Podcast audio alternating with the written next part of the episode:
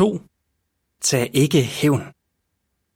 Bibelen siger, Gengæld ikke nogen ondt med ondt. Hvis det er muligt, og hvis det står til jer, skal I holde fred med alle mennesker. I må ikke hævne jer. Der står jo skrevet, Hævnen er min, jeg vil gengælde, siger Jehova. Romerne 12, 17-19 Hvad det betyder? Det er naturligt at blive vred, hvis nogen har behandlet en dårligt. Men Gud ønsker ikke, at vi skal tage hævn. I stedet opfordrer han os til at vente tålmodigt på, at han snart vil rette op på tingene. Hvad du kan gøre? Når ufuldkommende mennesker tager hævn, resulterer det i mere had. Så hvis nogen har fornærmet dig eller gjort dig noget, skal du ikke gøre gengæld. Prøv i stedet at reagere på en fredelig og behersket måde. Nogle gange vil det bedste for dig være bare at glemme det, der er sket. Andre gange er det bedre at gøre noget ved problemet.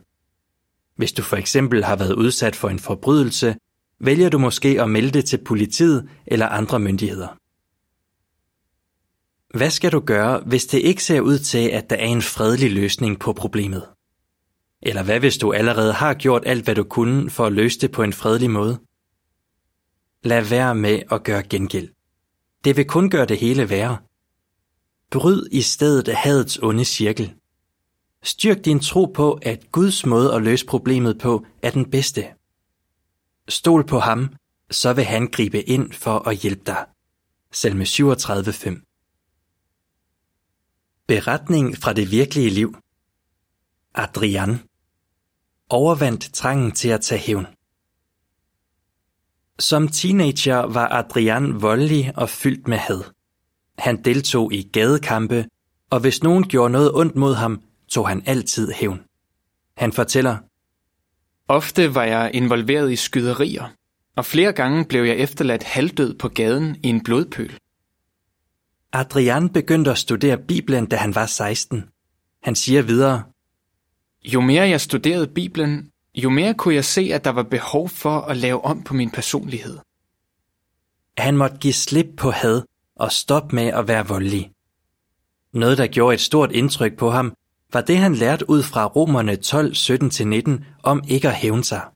Han tilføjer, Jeg indså, at Jehova vil tage sig af uretfærdighed på sin egen måde, når hans tid er inde. Lidt efter lidt kom jeg af med min voldelige livsstil.